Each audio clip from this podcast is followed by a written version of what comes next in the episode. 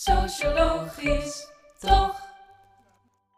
Trigger warning. Deze podcast zal gaan over het gebruik van drugs en drogeren. Mochten dit gevoelige thema's voor je zijn, dan wordt aangeraden deze podcast over te slaan. Bij hulp voor verslaving kun je terecht bij Tactus of de GGZ. Mocht je wegklikken, dan zien we je graag volgende podcast weer tegemoet. Welkom bij Usocia's podcast. In deze podcast bespreken we maatschappelijke thema's met een variatie aan leuke gasten. We bespreken de actualiteiten en zetten hier en daar de sociologische bril op. Deze podcast is gemaakt door studenten en voor studenten. Mijn naam is Emma.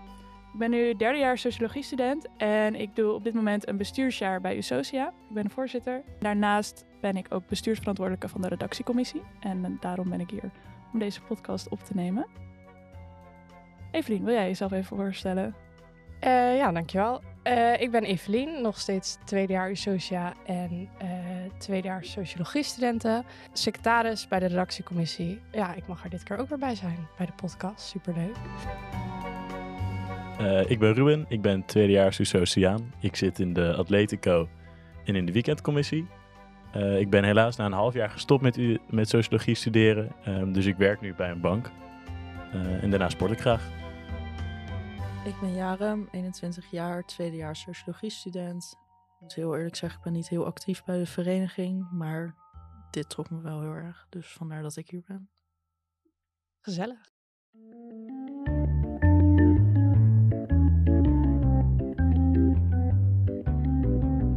Vandaag zullen we het hebben over drugs. Nederland staat bekend om een erg tolerante drugscultuur te hebben. Alhoewel de meeste drugs officieel illegaal zijn in Nederland, worden deze over het algemeen getolereerd door de autoriteiten.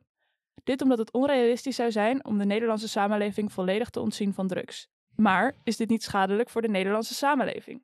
Er zijn eindeloos veel soorten drugs, op te delen in de categorieën soft en hard drugs. Softdrugs zijn drugs die minder risico met zich meebrengen bij het gebruik, vooral lichamelijk. Hieronder vallen hash en wiet bijvoorbeeld, maar ook kalmeringsmiddelen zoals Valium en Seresta. Harddrugs zijn over het algemeen schadelijker voor iemand zijn gezondheid dan softdrugs. Denk bijvoorbeeld aan heroïne, cocaïne en LSD. Dan heb ik een aantal vragen voor de gasten. Um, hebben jullie wel eens drugs gebruikt? Ja. Ja, ik ook. ja, ik ook. Wat voor soorten drugs hebben jullie gedaan? Willen jullie hier iets over vertellen? Ja, prima. Uh, ik heb verder niet heel veel meer gebruikt dan THC, alcohol en truffels. Oké. Okay. ik, iets meer. Als ik Jadam zo aankijk, denk ik zij ook. Ja. Vertel. Hash, wiet, uh, 3-MMC, ecstasy, speed, cocaïne, MDMA, paddo's en 2CB. Ik uh, denk dat ik me volledig aansluit bij dat lijstje. Ja. Oké, okay, en Willen jullie iets vertellen over de ervaringen die jullie hiermee hebben gehad?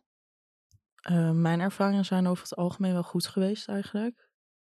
Ik heb het ook nooit in zulke heftige mate gedaan dat mijn dagelijks leven eronder heeft geleden. Dus vooral op feestjes of als we thuis wat hadden. En, en vooral tijdens corona wel meer. Uh, ik heb ook wel eens een, een, situatie gehad waarin het niet zo goed ging. Of dat het um, ja, niet zo'n leuke trip was. Maar daar gaan we het later nog even over hebben, volgens mij. Maar um, over het algemeen kon ik me op dat moment ook wel realiseren dat dat niet voor eeuwig zou duren. Dus dat neemt ook wel de angst weg voor de volgende keer, denk ik. En over het algemeen met elke drugs in ieder geval wel één positieve ervaring gehad. Oké. Okay. En jij, Ruben? Ja, ik heb over het algemeen ook gewoon goede herinneringen aan mijn keren nou ja, drugsgebruik.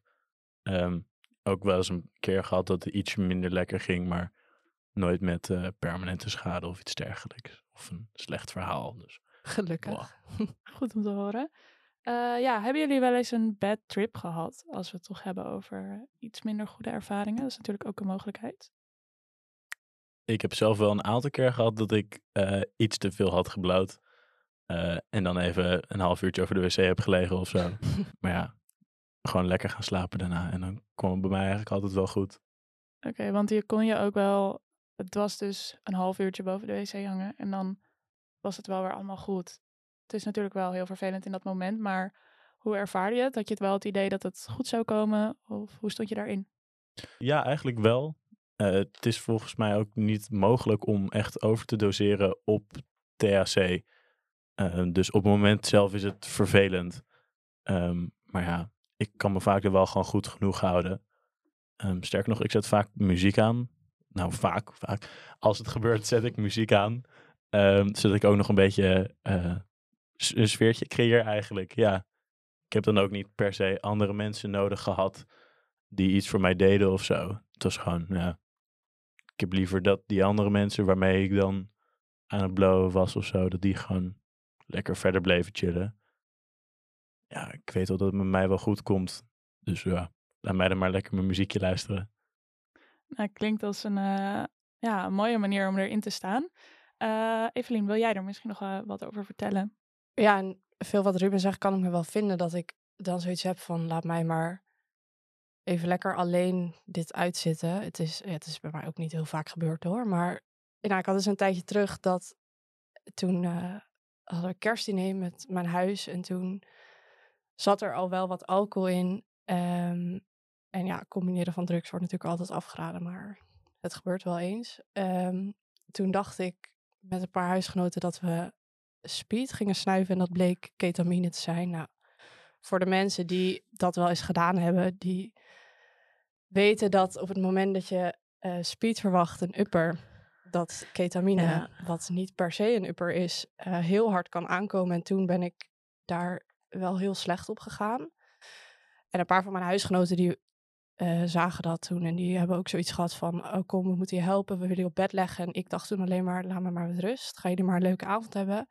Ik ga dit uitzitten, want ik weet dat het op een gegeven moment weer voorbij gaat. En als ik klaar ben, dan durf ik gewoon rustig mijn ding te doen en naar bed te gaan. Met tanden te gaan poetsen, weet ik dan wat. Dus ja, het is gewoon een hele nare ervaring. Als ik aan terugdenk, denk ik ook niet... Goh, ik zou dit uh, mensen aanraden of zo. Maar ja, zolang je in je achterhoofd houdt dat het wel weer goed komt... dan kom je er denk ik beter uit dan dat je heel erg gaat panikeren. Of... Ja, snap ik. Klinkt ook wel heftig dat je de verkeerde drugs gebruikt. Vooral dat je dan niet uh, ja, de reactie van je lichaam krijgt uh, die je ja. verder verwacht. Ja. Ja. Dus ja, jij vertelde dat je er niet heel veel ervaring mee had in bedtrip. Altijd wel goede ervaringen of... Nou, ook niet helemaal moet ik eerlijk zeggen. Ik ben best wel gevoelig voor hallucinaties. Dus ik heb vrij snel als ik aan de MDMA zit vooral. Wanneer ik dan net een likje te veel heb genomen dat ik ga hallucineren. En dat is dan om de een of andere reden zijn dat bij mij va vaak vooral accessoires op mensen. Dus ik zie dan ineens mensen hebben ineens een bril of dragen een sjaal of hebben ineens een mondkapje op wat ze eigenlijk helemaal niet hebben. Maar dan merk je dus, dan ga ik tegen andere mensen zeggen, wow, wat heb jij een vette bril op? En dan kijk ze maar, ik heb helemaal geen bril op, wat lul je nou? En ik heb ook wel eens gehad, eigenlijk vooral steeds aan de MDMA als ik er zo over nadenk, dat ik, toen ben ik een keer om tien uur s'avonds begonnen, nam ik mijn eerste likje. En om half twaalf smiddags, die dag erna, had ik nog steeds zulke grote pupillen en was ik nog steeds helemaal van de kaart eigenlijk. En toen wist ik ook wel, het stopt vanzelf wel weer. Maar toen had ik ook wel een beetje het idee van, kom ik er überhaupt nog wel uit? Of is dit nu hoe ik ben voor altijd? En daarbij ook dat dan het lampje wel eens uitging. Dat het ineens leek alsof ik, nou ja, een kwartier lang niks had gedaan. Dat het zwart was voor mijn ogen, maar dan waren er echt een paar seconden voorbij. En dat was dan toch wel een moment dat ik dacht, dit is eigenlijk wel heel eng. Um, maar wel altijd geweest met mensen die ik vertrouw. Dus ik denk dat dat wel veel heeft gescheeld. Dat ik weet, ik ben in ieder geval in goede handen. En toen ook wel duidelijk durven aan te geven van, ik, ik voel me niet zo goed. Dus als het echt de verkeerde kant blijkt te gaan, bel dan gewoon de ambulance alsjeblieft. Dus me wel altijd veilig gevoeld toch nog. Ik denk ook dat dat wel een um, goede aanrader is voor mensen. Om, want ik heb dat precies hetzelfde ook altijd alleen maar drugs gedaan. Met mensen of in omgevingen waar ik me veilig voelde. En natuurlijk ook wel eens op festivals. En dan ben je met een heel veel meer mensen. Maar uh, let dan een beetje op elkaar. En zorg dat je elkaar in de gaten houdt. Want dat geeft ook wel dat veilige gevoel. Ja. Zeker. Ik heb eigenlijk wel een vraag voor Evelien. Ja. Over het verhaal van je kerstfeest. Mm -hmm. um, wanneer kwam je erachter dat datgene dat je had genomen niet was wat je dacht dat je genomen had? Uh, ik denk vrij snel al we gingen, nou ja, we, we, hadden dus gesnoven en toen kwamen we terug de woonkamer in en toen, en nou, ik had, het scheelt wel dat ik van tevoren al een keer bewust speed of pep had gebruikt. En ehm, andere keren bewust ketamine. Dus ik wist van allebei wat het was en wat het deed. Mhm. En het lijkt natuurlijk op elkaar. eh qua ze allebei wit poeder. Ja. En toen eh, kwam ik de woonkamer in en toen begon alles een beetje te draaien. En toen merkte ik dat ik een beetje raar op mijn benen begon te lopen. En toen dacht ik, oh, ik weet nog dat ik ook tegen mijn huisgenoot zei, oh, dit, dit was geen pep. En dat mijn huisgenoot zei, nee, dat klopt. En toen dacht ik, Ja. Oh, en toen zaten we daar, we hadden ja, met z'n drieën en toen zaten we daar echt oké. En toen die twee huisgenoten, die eh, gingen op zich nog wel steady. Die zijn uiteindelijk nog de stad in geweest ook. Ik zei ook van, doe dat lekker. Mhm. Maar ik ga niet mee. En uiteindelijk heel blij om, want toen... Ja, het was zeg maar dat moment, toen wist ik dat het ja, dus geen pep was. En toen dacht ik, ik moet dit nu gaan uitzitten. En toen eigenlijk heel snel dacht ik ook van, oké, nou prima. Ga gewoon lekker zitten en we zien wel wat er gebeurt. En we komen er wel weer bovenop. Ja. Ja, Nou, wel goed dat je je er zo overheen hebt kunnen zetten. En ik snap ook dat het in het moment heel eng kan zijn om dat dan mee te maken. Ja. Dus weet altijd eh, wat voor drugs je neemt. ja. Ja. label je zakjes. Label je zakjes, ja. Ik heb Ja. nog één echt slecht verhaal over een bad trip op truffels wel. Nou, ik ben benieuwd. Vertel. Ik heb eh, ooit voor mijn verjaardag een eh groei je eigen truffels kit gekregen. Eh, en je hoort die dingen een week van nou, zes tot acht weken ongeveer. Kun je die bakjes gewoon onder je bed bewaren. En dan is het idee dat je eh, ze uitwast. Ehm, en dan, kan je, dan heb je truffels. Zo makkelijk is het. Klinkt interessant. Ja, ehm, mijn verjaardag is in april. Ehm, en ik heb ze uiteindelijk in augustus pas uitgewassen. Ah, nee. Dat is eh, vier maanden. Truffels is voor mij een beetje een soort drugs die je in de ochtend neemt en dan eigenlijk de hele dag gewoon een beetje van geniet. Ik deed dat bij een maatje van me die een balkon heeft. Eh, daar stond de zon lekker op, de zomerse dag. Eh, toen hebben we daar eigenlijk eh, met z'n vieren gewoon een dagje lopen trippen eigenlijk. Gewoon lekker naar bomen kijken, lekker naar de natuur kijken. Klinkt heel leuk tot nu toe. Ja. Ja, Klopt. Ehm, want na een tijdje krijg je ook een coming down. Mhm. rond een uurtje of vijf of zo. ja Ehm, want dat houdt dus best wel lang aan, die truffels. Dus dan, Ja, klopt. ja. klopt. Toen leek het ons een goed plan om te gaan blowen. Oeh. Ja, Jaren begint al te lachen. Ja. Ehm, dat is het niet. En daarnaast hadden wij ook geen weegschaal. En truffels is een soort drugs die je op de gram neemt. We hebben hem op het handje genomen. Was niet heel verstandig, maar nou ja, zoals ik zei, geen permanente schade. Dus sommige dingen zijn er ook gewoon om lekker van te leren. Mag ik vragen wat er gebeurde precies? Of, ja. Zeker. Ehm, wat bij mij na een tijdje gebeurde, is dat het leek alsof ik uit mijn eigen lichaam viel. Als in, het, is voor mij niet heel zwaar hoor. Maar we zaten allemaal in stoelen. En na een tijdje verloor ik een klein beetje eh, bewustzijn. En wat er gebeurde is dat ik na een tijdje heel even niks meer zag. En dat mijn oren begonnen te ringen. Ehm, en toen stepte ik er opeens uit. Eh, en toen had ik het heel warm. Toen was ik helemaal aan het zweten. Eh, en toen vroegen mijn vrienden ook van, hey Ruben, gaat, gaat het wel goed met je? Dus ik iets van, ja, maar ik moet even, even rustig aandoen. eh. Voor de kijkers thuis. Ruben eh, gaat nu ook heel wild heen en weer met zijn ogen. Je mag niet liegen, Evelien. Eh, nee, en toen zijn, we, toen zijn we Rapunzel gaan kijken op Disney+. Plus. En eh, dat kan ik iedereen aanraden. Dat is, eh, op dat moment was dat hartstikke relaxed. Ehm nou, Disney film, veel kleurtjes, coole animatie. Mooie liedjes. Ja, precies, precies. Ja. Ehm, en zo is het dus wel gewoon, nou ja, allemaal goed gekomen. Ehm, maar ja, ook wel om mee te geven aan luisteraars. Nou ja, ga gewoon voordat je gaat gebruiken ook nadenken over de dosering. En niet tijdens je trip nog verder gaan nadenken over je dosering. Dat is Ja. het beste om dat echt ervoor te doen.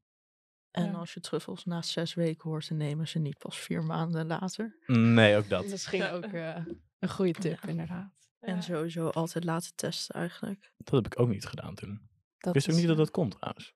Ja, kan je gewoon, eh, je hebt loketten, je mag gewoon altijd gratis je drugs laten testen. Of ja, ik, bij de GGD kan het volgens mij voor 2,50 of zo. Ja. Ik weet niet of het altijd gratis kan, maar het kan in ieder geval. En het is niet zo dat je dan eh, wordt opgepakt voor het bezit van drugs. Dus dat eh, is in ieder geval fijn.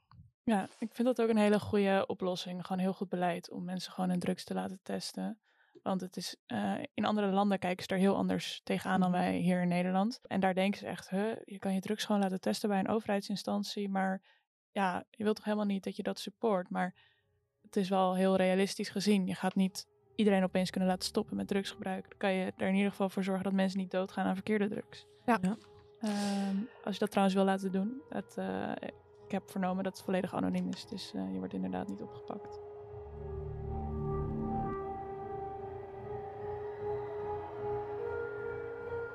In het nieuwe coalitieakkoord heeft de Tweede Kamer vastgesteld dat er een commissie komt om de voor- en nadelen van medicinaal ecstasygebruik te onderzoeken. Daarbij zijn GroenLinks, D66 en Volt voor een soepeler drugsbeleid. Na het gedoogbeleid van cannabis dat ontstond in Nederland in de jaren 70 zijn er weinig ontwikkelingen geweest rondom het beschikbaar stellen van drugs. Volgens Paul Depla, de burgemeester van Breda, is ecstasy minder schadelijk dan alcohol en ziet hij daarom niet in waarom ecstasy nog illegaal is. Wat vinden jullie hiervan? Ruben? Eh, nou ik heb zelf nooit ecstasy gedaan. Dus om het legaal te maken zou voor mij eh, wel gelijk een grote stap zijn. Maar het, het stukje gedoogbeleid dat nu wordt gehanteerd bij wiet of iets dergelijks, dat lijkt mij wel een goed plan. Mhm. Ehm, maar net zoals bij wiet, ja, je mag niet kilo's en kilo's wiet bij je hebben.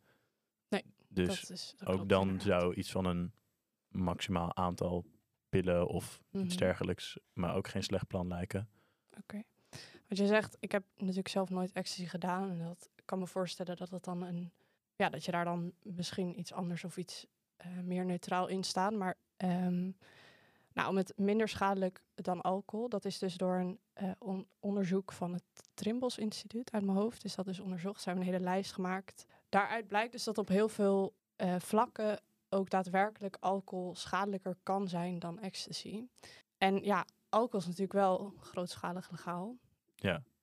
Zou dat eh, met die informatie, zou dat je beeld iets veranderen? Of zou dat, ja, sta je daar nog steeds eigenlijk hetzelfde in? Dat mag ook natuurlijk. Nou ja, het feit dat alcohol legaal is, is eigenlijk ook best wel raar. Vanuit historie niet, maar eh, als drugs op zich is het inderdaad wat je zegt, het is best wel schadelijk.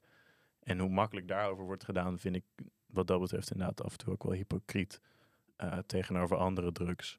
Ik denk wel dat op het moment dat ecstasy legaal zou worden, of andere drugs, dat de voorlichting daarover nog wel een tandje beter kan.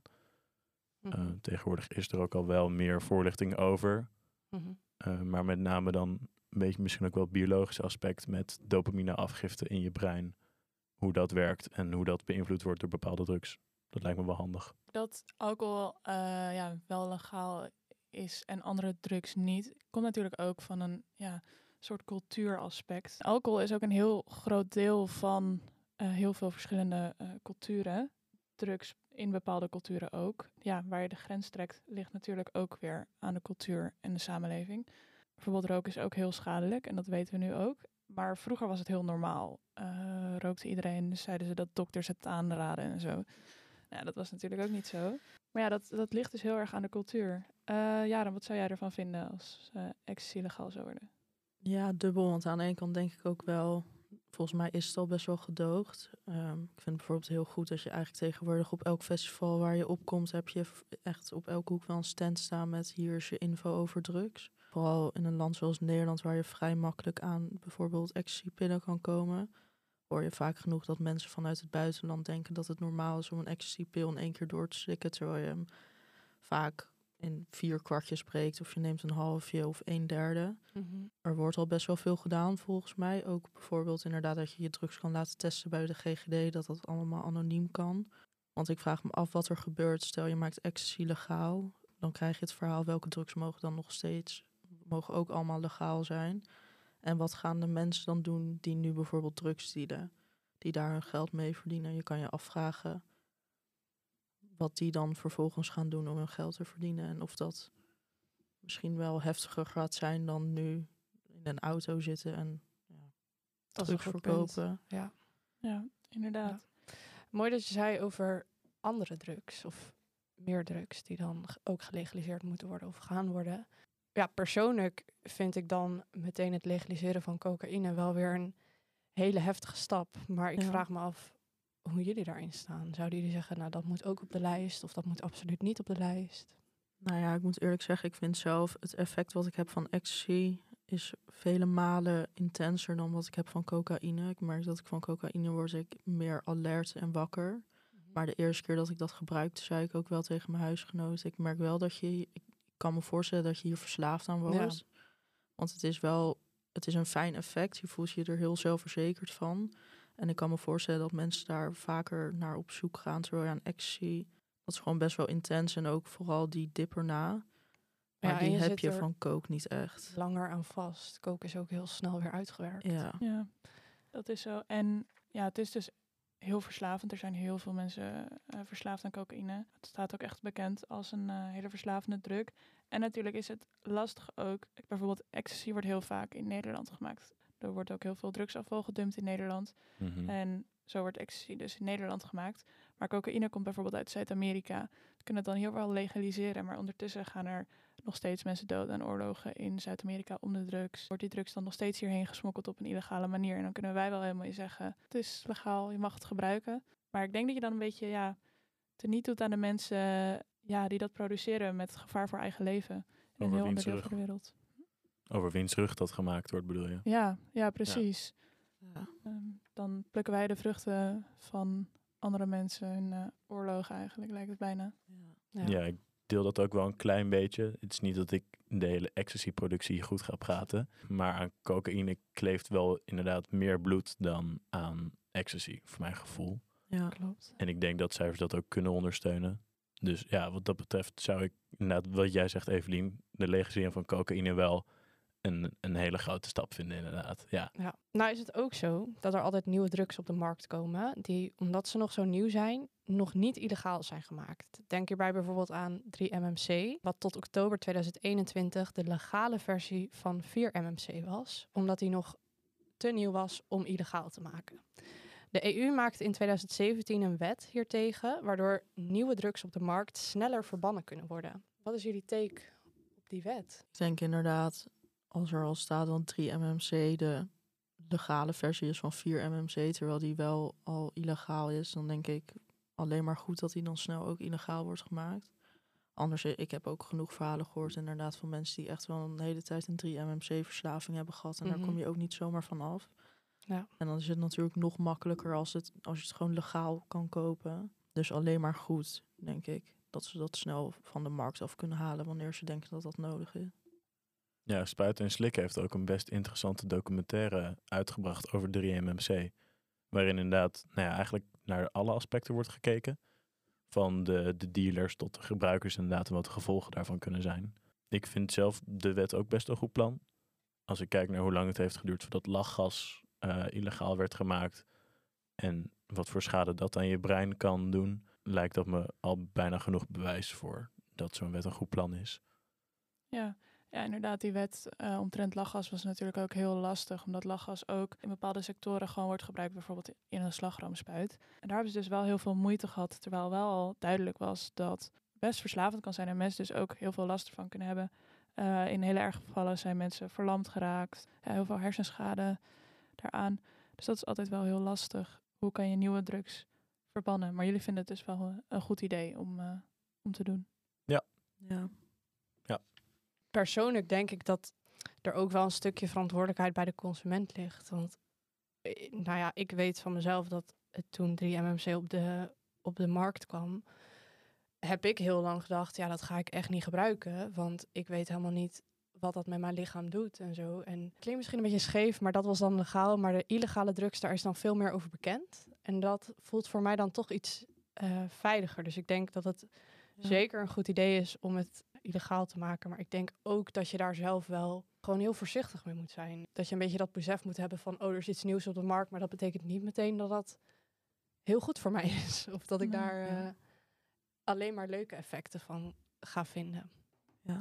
Ja, precies. Er zijn heel veel dingen legaal die je niet eh, in, je, in je lichaam zou moeten eh, hebben. Ja.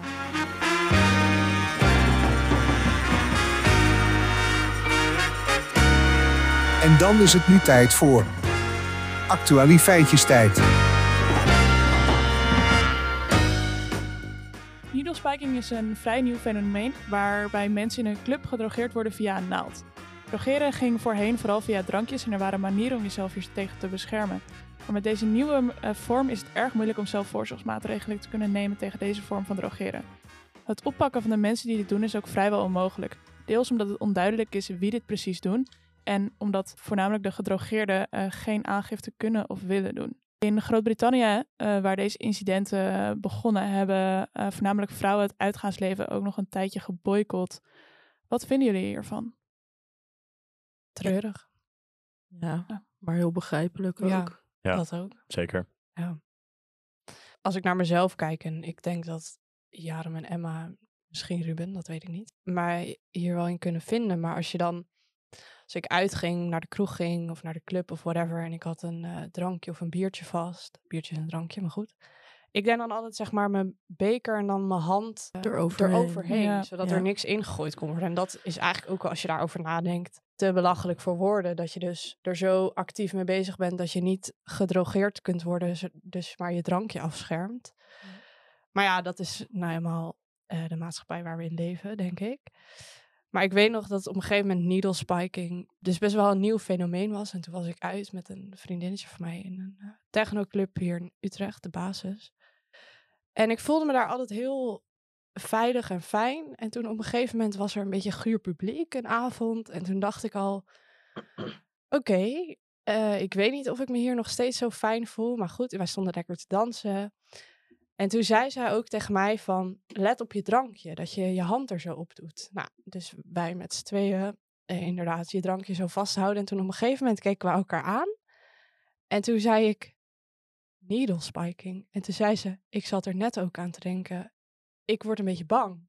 En nou, toen uiteindelijk hebben we nog best wel een prima avond gehad, maar dat je er toch zo bewust mee bezig bent, vind ik eh, gewoon heel treurig. En Ja. ik snap ook inderdaad dat dan het uitgaansleven geboycott wordt of dat je daar andere manieren voor gaat verzinnen. Ja. Maar ja, neem niet weg dat het eh, naar mijn mening niet de bedoeling is. Nee, dat zeker niet. Het is ook echt iets waar je dan niks aan kan doen. En ja, ik heb wel eens verhalen gehoord over mensen die gedrogeerd zijn. Weten dan gewoon helemaal niks meer van de hele avond. Voelen zich hartstikke ziek. En wat er dus is gebeurd, weten ze zelf ook niet. Dat is gewoon ook iets heel engs. Ja, het is ook heel eng om daar in een club waar je het eigenlijk gewoon naar je zin wil hebben. Dan over na, ja, haast moet denken dat het wel gebeurt. En dus ook dat je zo met je drankje loopt. Het is eigenlijk gewoon heel treurig dat dat dus eigenlijk een soort moet bijna. Of dat in ieder geval Ja. mensen het gevoel hebben dat het moet. Hebben jullie ooit een ervaring gehad waarbij je misschien gedrogeerd bent of iemand waarmee je was gedrogeerd is? Ik ben zelf nooit gedrogeerd.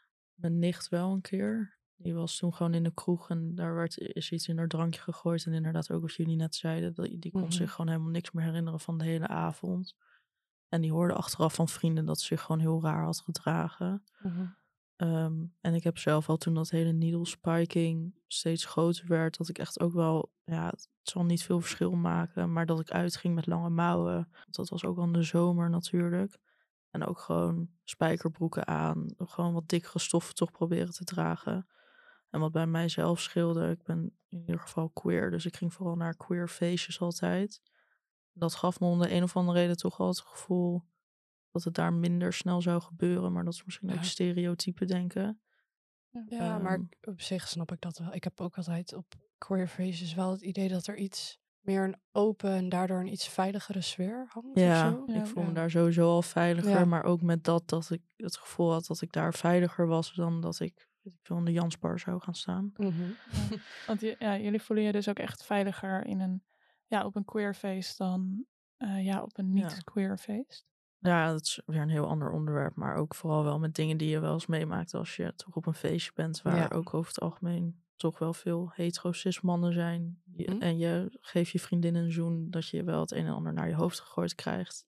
En dat heb je Ja. gewoon niet als je de juiste feestjes opzoekt. Dus dat maakt wel veel verschil. Jaren, jij vertelde net al dat je dan lange mouwen aandeed, dikke, dikkere stoffen. Denken jullie ook dat er ja, betere manieren zijn om drogeren tegen te gaan? Zouden er bijvoorbeeld hogere straffen opgezet moeten worden? Zouden er meer naar bijvoorbeeld camerabeelden in een club gekeken kunnen worden? Of ligt het dus ja, ik wil het niet zeggen, maar zou de voorzorg bij het slachtoffer liggen?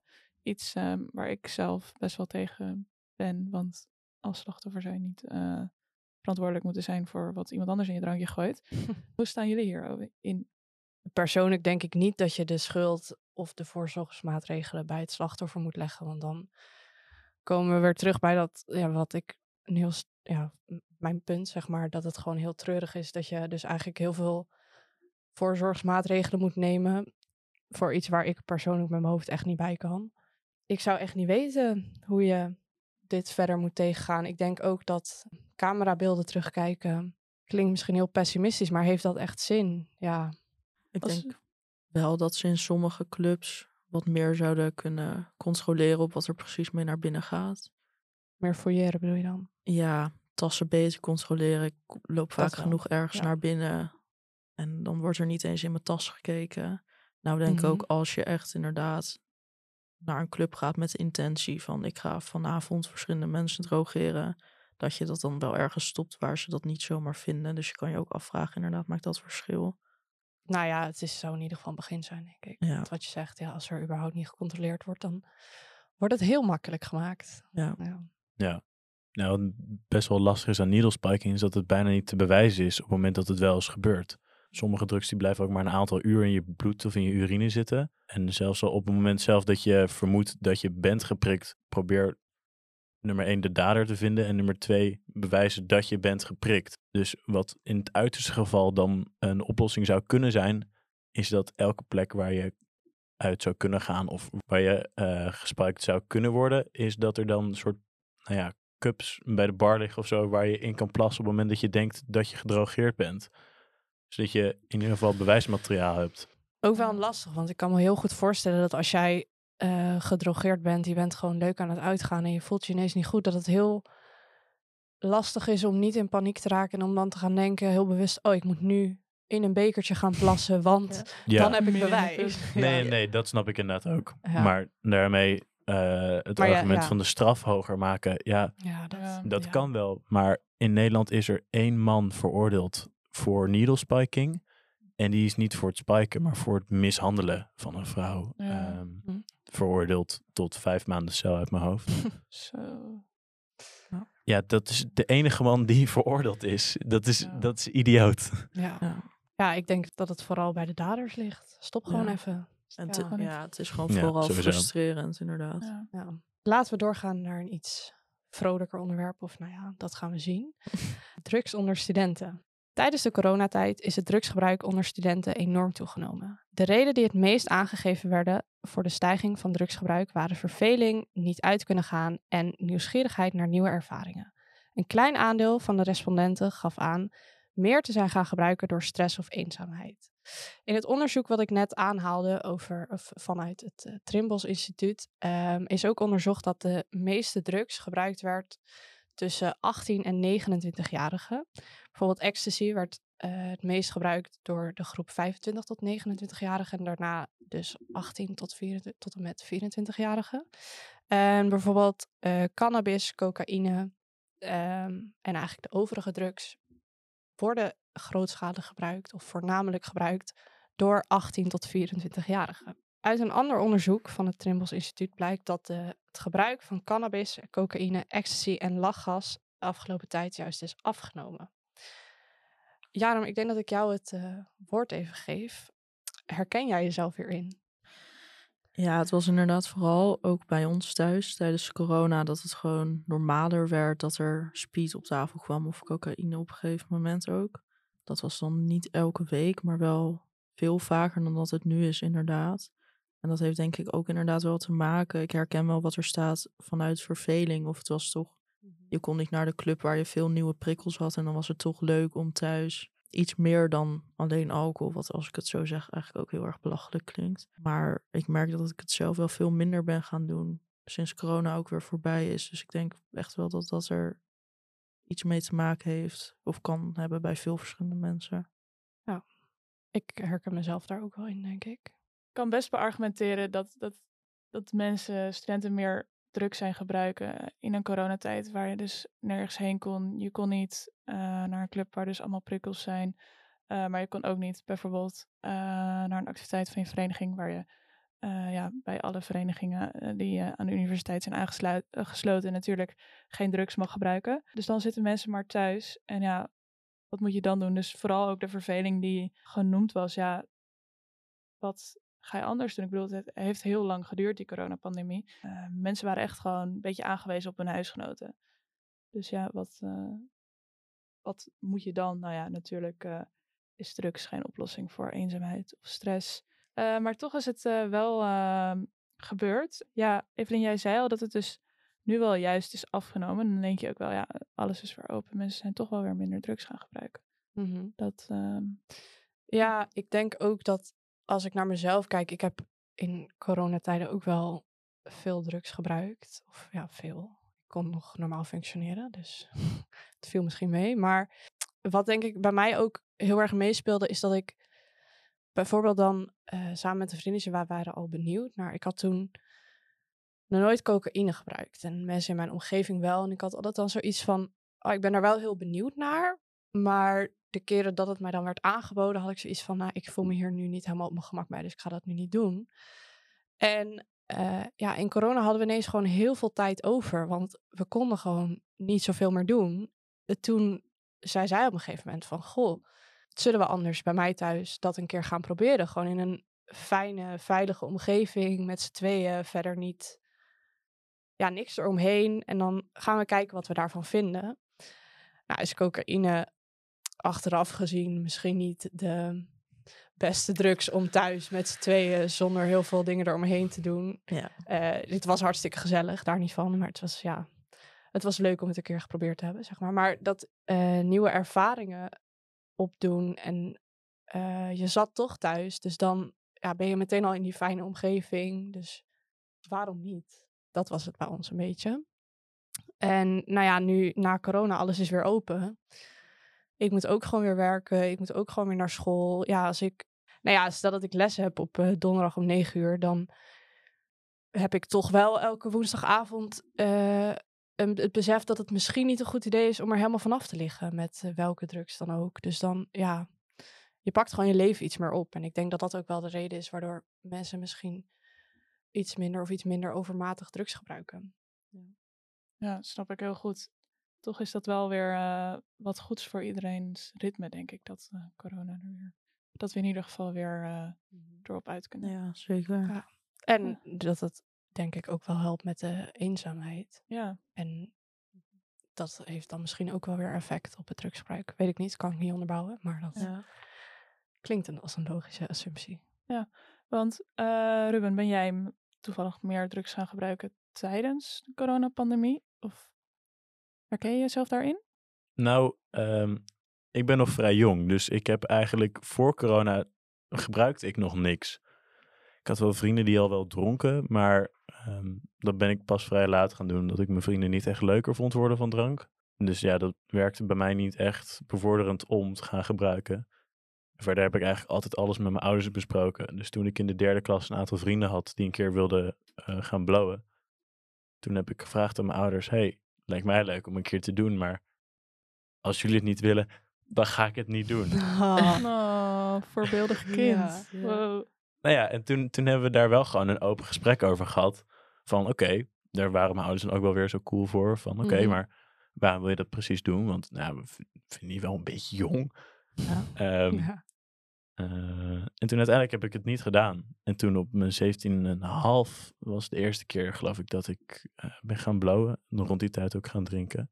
En toen vonden mijn ouders eigenlijk alles prima ook wel. Omdat ze wisten dat ik er wel enigszins over nadacht wat ik deed. Mm, ja. Uh, maar om terug te gaan naar corona, um, ben ik, ja, ik ben begonnen met uh, gebruiken tijdens de coronatijd. Na de coronatijd ben ik dus niet per se minder gaan gebruiken, geloof ik. Dus wat dat betreft kan ik over dit onderwerp wat minder lekker meepraten. Ja, nee, snap ik. Maar het is natuurlijk ook wel een beetje een bijzondere situatie. Want je hebt gewoon heel veel dingen die je dan voor het eerst meemaakt als je 16, 17, 18 bent ongeveer. Ja. En dat was voor jou allemaal tijdens coronatijd. Mm -hmm. Ja, heb je, wil je daar misschien iets over vertellen? Heb je dingen, heb je het idee dat je dingen echt anders hebt meegemaakt dan mensen die misschien wat ouder zijn dan jij? Nou ja, aan de ene kant weet ik natuurlijk gewoon niet beter. Maar ik ben over het algemeen iets minder enthousiast over uitgaan. Nou ja, andere vrienden van mij die doen dat wat liever dan ik. Maar ik denk dat dat wel een beetje komt door eh, de pandemie. Dat nou, ik ben gewoon niet zo heel veel uitgegaan eh, in mijn beginfase van alcohol experimenteren en weet ik veel wat. Ik ben er vooral bij geweest op de momenten dat het zeg maar, niet lekker ging met mijn vrienden. Met het experimenteren van alcohol. Dus op die manier heb ik zelf ook daarmee niet echt mee geëxperimenteerd. En ben ik daar op een andere manier mee begonnen dan de meeste mensen, denk ik. Oh ja. Ja, snap ik. Want ja, je hebt dus echt eerst bij je vrienden gezien hoe zij dan alcohol gingen gebruiken en daarna jij zelf. Ja. Ja. Ik heb wel echt ook vrienden naar het ziekenhuis achter op de fiets gedragen en dat soort dingen. Oh, Zo, ja, dat is heftig. heftig. Ja, het is ook allemaal goed gekomen hoor. Maar Ja. dat motiveert echt niet om zelf te gaan nee, dat gebruiken. Dat snap ik. Nee, dat snap ik heel goed. En dan ja, ooit een keer op een gezellig avondje chillen met z'n allen. Ehm dronk ik dan één biertje voor de gezelligheid. Toen twee. En toen dacht ik, nou, laat maar. Toen heb ik geloof ik echt een kwart fles vodka gedronken of zo. Gadver. Ja. Nou, dat mixen met Iced Green was best een goed idee op dat moment. Oké. Iced Green is altijd een Lekker. goeie. Malibu met Precies. Iced Green. Perfect. Dat zou ik nog wel een keer proberen. Ja. Maar ga verder op je verhaal. Dan kom ik even met mijn cocktail eh, aanbevelingen. Maar ja, op die manier is dat bij mij gewoon heel anders gelopen. En net, net zo met blowen voor mij. Eh, ik ben daar ooit een keer mee begonnen. En ik heb nooit in echt grote groepen stoners of zo gebloot.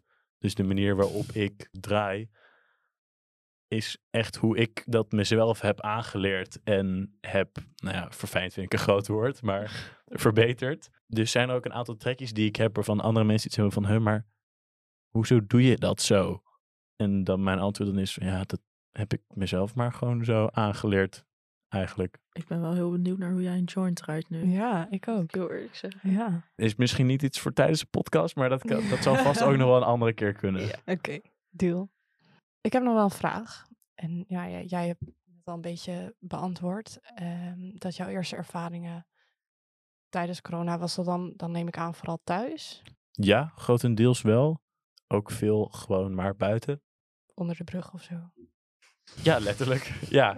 Oké, oké. Ehm, ja, dat, waren, dat was toen nog wel vooral met vrienden van mij. En dat ik een beetje aan het trip zitten was eigenlijk. Mhm. Ja, blowen als, als ouders niet thuis waren of zo. En Ja. dan, dan nou ja. Oké. Nou, het meeste van mijn drugs heb ik ook gebruikt nadat ik 18 was. En dan mag het in principe Ja. ook. Ja. En nou ja, dan blowen buiten is wel gewoon vrij normaal. ja. Eh, dus daar ga je gewoon een plekje op zoeken met een vriendje. Eh, in het bos heb ik met eh, een echt oude vriend van me hebben nog een bepaalde plek waar we een tijdje geleden nog naar terug waren gegaan. En verder gewoon ja, veel buiten inderdaad, ja. Lekker. Wel. Ja. Ja, En zeker. jij? Ja, eerste keer thuis of, of op een festival? Of... Nou, blowen, toen was ik ook inderdaad een jaar 15, denk ik. 14, Mhm. 15, toen ik dat voor het eerst deed. Dat was gewoon... Ik had één vriendin uit onze vriendengroep en die heeft iedereen eigenlijk een beetje ja, meegesleurd. Niet zozeer, maar eh, zij was om de, ze was wel dezelfde leeftijd, maar om de een of andere reden had zij eigenlijk al bijna alles gedaan. Zij liep Mhm. op haar vijftiende al samen met een andere vriendin de smart shop binnen om een bakje truffels te halen. En dat kreeg ze dan ook gewoon mee. Dat je... Ik denk van oké. Ja. Ehm, dus zij heeft mij eigenlijk een beetje geïntroduceerd. En toen was het een beetje op en af. Niet zozeer thuis, inderdaad, wat Ruben ook al zei, vooral buiten. En mijn eerste keer harddrugs doen, dat was eh, op Mysteryland Festival. Leuk. Ja. En hoe oud was je toen? De eerste keer dat je harddrugs gebruikte? ja, ik ging naar een festival, dus ik- was 18 ook inderdaad. Ja. Dat was ik ook. De...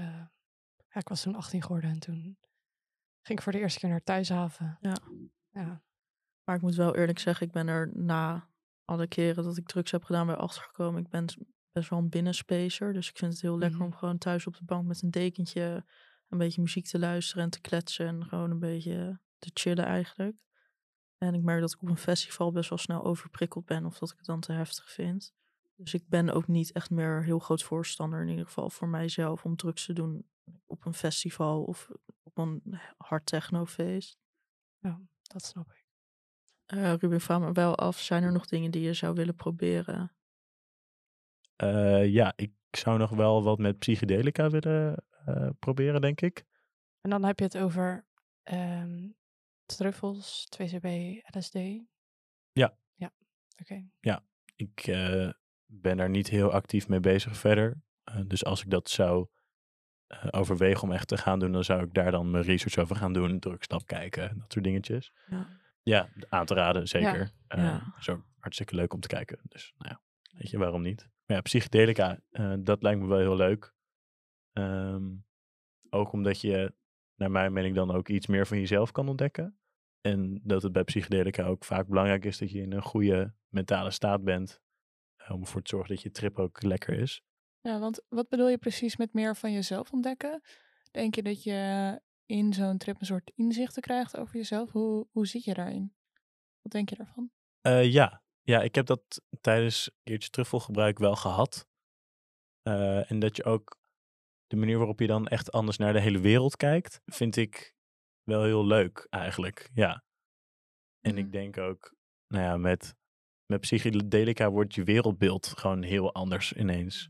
Ja, En dat ga is een je- ervaring. Ja, precies. En al helemaal als je het lekker in de natuur gaat doen, dan Mhm. is je liefde voor de natuur opeens veel groter. En Ja. Is dat echt super cool. Ehm, dus Ja, ondanks dat ik de, de, de keer heb gehad met truffels dat het niet helemaal lekker ging, is dat wel de soort drugs waar ik het meest nog wel zou willen proberen. Ja, Nee, snap ik. En is die liefde voor die natuur bijvoorbeeld, is dat dan ook, want dat is dan iets wat je ervaart tijdens die trip, is het dan ook iets wat echt voor jou blijft? Dat je echt toch dat, ja, anders tegen de wereld aan blijft kijken?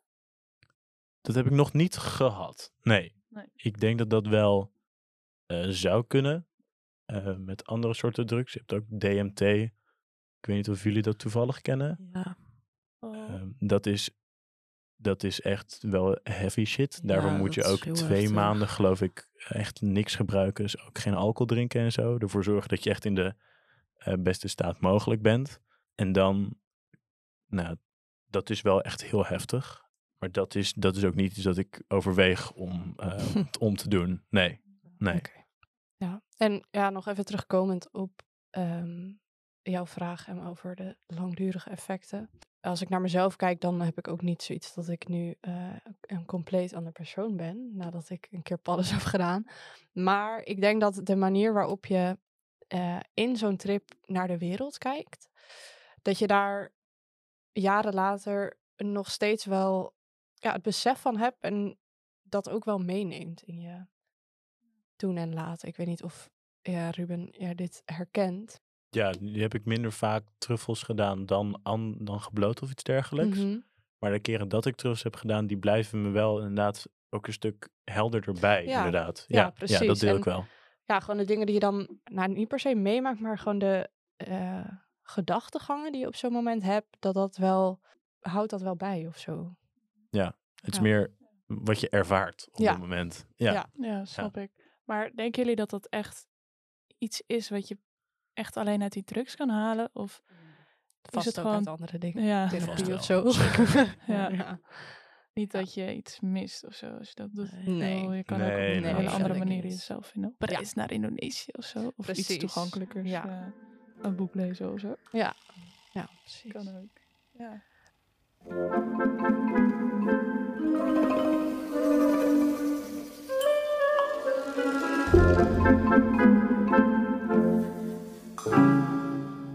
En dan nu. De biechtbox.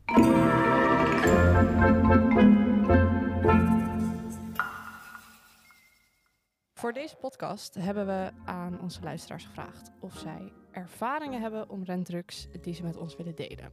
We beginnen met onze een keer aan de psychedelica en daarnaast nog heel veel ketamine gebruikt. Eh, ik stond op en ging naar de wc en opeens voelde het alsof de wereld een kwartslag was gedraaid. Het voelde alsof ik op muren liep en het water zijwaarts uit de kraan kwam.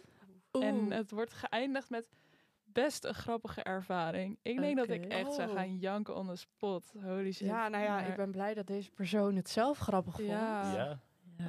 Oh, als het voor jou prima is, Ja. Lekker laten. Maar Dat. het klinkt vrij... eh, Heftig. ja, Ja. inderdaad. Ja. Dan gaan we door naar de laatste luisteraarsreactie. Deze persoon zegt: Ik speelde een dobbelspel voor Sinterkerst en Nieuw met mijn huis en kreeg een paar pillen ecstasy verstopt in een corona-testdoosje. Was lachen. Ik kan me voorstellen. Ja. Dat het, ja. In een testdoosje. ja. Ja, kan je ze wel weer even laten testen bij de GGD. Ja. Hebben jullie leuke, spannende verhalen? Emma, ik begin even bij Ja, jou. Nee, ik moest er net aan denken, want eh, we hadden het erover. eh ja, we hebben het eerder vandaag gehad over, dat, eh, over truffels. En daar hoefde je dus vroeger in ieder geval helemaal geen 18 voor te zijn. Dat verbaast mij best wel, dat je gewoon naar binnen kan lopen bij een smartshop en dan op je dertiende of zo truffels kan gaan kopen. Ja, ik moest hierdoor even terugdenken aan de middelbare school. Truffels kan je dus ook gewoon online laten bezorgen thuis. Het komt gewoon door de brievenbus en dan ja, heb je dat eh, binnen. Ik zat, eh, ik zat op de middelbare school en we moesten eh, ja, een project doen voor informatica. En daar mochten we helemaal vrij in zijn wat we gingen doen. En nou, er waren twee mensen uit mijn klas die hadden besloten om het over de dark web te gaan doen. Gingen ze onderzoeken en zo hoe dat zat. En uiteindelijk hadden ze dat helemaal geïnstalleerd en zo. Hartstikke illegaal. Oh. Ehm, dat was niet hoe ver het project zou moeten gaan. Maar zij hiel- hielden dus een hele presentatie over hoe alles in elkaar zat. En eh, op het eind van de presentatie zeiden ze... Ja, en je kan eh, dus ook drugs bestellen en thuis laten bezorgen. En die jongen die haalt gewoon zo een zakje hash uit zijn zak... midden in dat lokaal voor de presentatie. Dus de docent stond er ook van... Ja, nou, wat, ga je doen? Ja, Ja. dus Hebben ze wel een hoog cijfer gekregen? Of? eh, dat weet ik niet meer. Ik hoop het voor ze. Ja. Ik heb nog wel een leuk verhaal over mijn eerste keer truffels gebruik. Eh, dat is met eh, twee vriendinnen van me was dat, waar ik nu ook mee samenwoon. Ehm, en zij had al een keertje eerder gedaan eh, en ik niet. En toen gingen we naar het parkje. Een beetje snacks meegenomen. Nou, een beetje wachten tot het, tot het begon eigenlijk. En we hadden kleedjes meegenomen en zij lagen en ik zat. En ik begon na een tijdje een beetje vogels te voeren. En voor het wisten stonden er echt, nou, zweer het je, echt twintig vogels gewoon om dat kleedje heen. Duiven, meeuwen, eenden. Je kan het zo gek niet verzinnen of het stond om die kleedjes heen. Eh, en ik had echt, ik was helemaal blij met, oh, al deze dieren zijn hier en wat gezellig is dit. maar wat er na een tijdje gebeurde is dat er twee ganzen het water uitkomen. Oh nee. Nou, zijn niet de meest vriendelijke dieren. Nee. nee. Ehm, en die kwamen ook een beetje met een soort attitude richting ons. Niet met goede bedoelingen. Eh, Nee. en die eh, nou, hard geluid maken en die liepen om ons kleedje heen. En die kwamen toen zodanig dicht in mijn space dat ik die eh, eh, een klein klapje heb gegeven eh, om hem een beetje af te schrikken. Eh, en vervolgens ben ik gewoon opgestaan en heb ik ze weer richting het water geleid. Oh my god. Ehm, maar ook de twee vriendinnen naast mij die hadden van... Ruben, wat doen deze ganzen hier? die vonden het echt niet relaxed. En ik had iets van... Boah, ja, dit zijn gewoon maar twee vogels. Dat komt allemaal wel goed. Oh mijn god. Ja. Maar, Maar na mag een ik tijd- vragen Ja? waar je ze een klapje hebt gegeven? Ja, gewoon in uw gezicht? Of ook Nee. allebei? Of maar één? Ehm, Een klein klapje in de nek op achteruit, weet je. Ja, nee. nee, nee, het was echt een beetje... Nou, de luisteraars kunnen dat dan niet zien. Maar het was echt een beetje alsof... Nou, de microfoon heeft een soort standaard. En alsof halverwege de standaard. Dus een beetje halverwege de hals... Het was ook hartstikke zacht. Het zijn natuurlijk gewoon veren.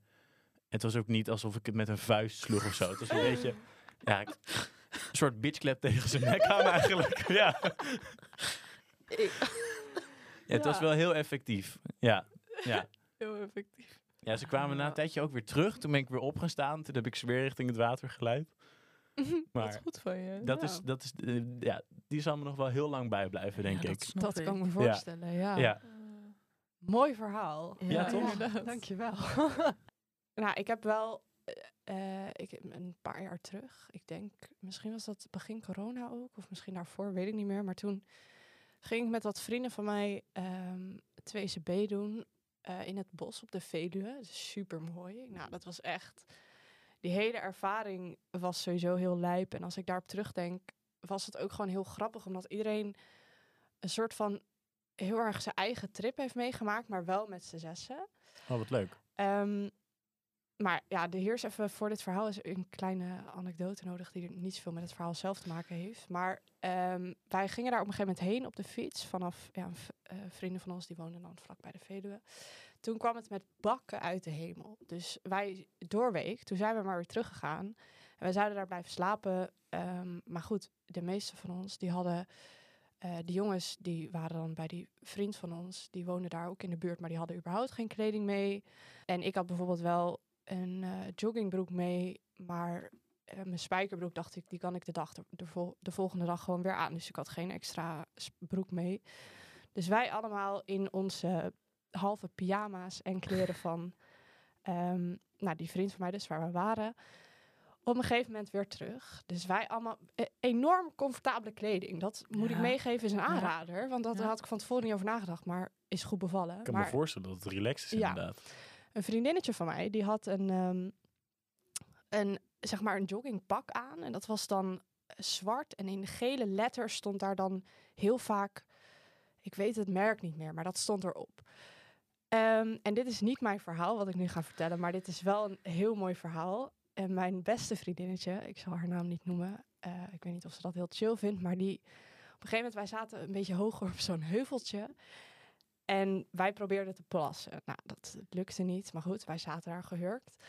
En die vriendin van mij in dat joggingpak, Oh, die komt aanlopen. En mijn beste vriendinnetje, die zegt, "Ah, een tijger! Omdat zij dus dat pak aan had, wat gewoon heel erg op die tijgerstreep leek. En ik zat daar, "Huh? Wat? En zij zo, oh nee, dat is... eh," Nou, ik zal de naam ook niet noemen, maar ja, dat was zo mooi. Gewoon die hele ervaring was mooi, maar dat was echt... Dat was denk ik het piekmoment. Gewoon, Ja. een tijger. Dat ik dacht, hoe dan? Hoe zie je daar een tijger in? Ja. Maar ja, dat was, dat was wel heel mooi.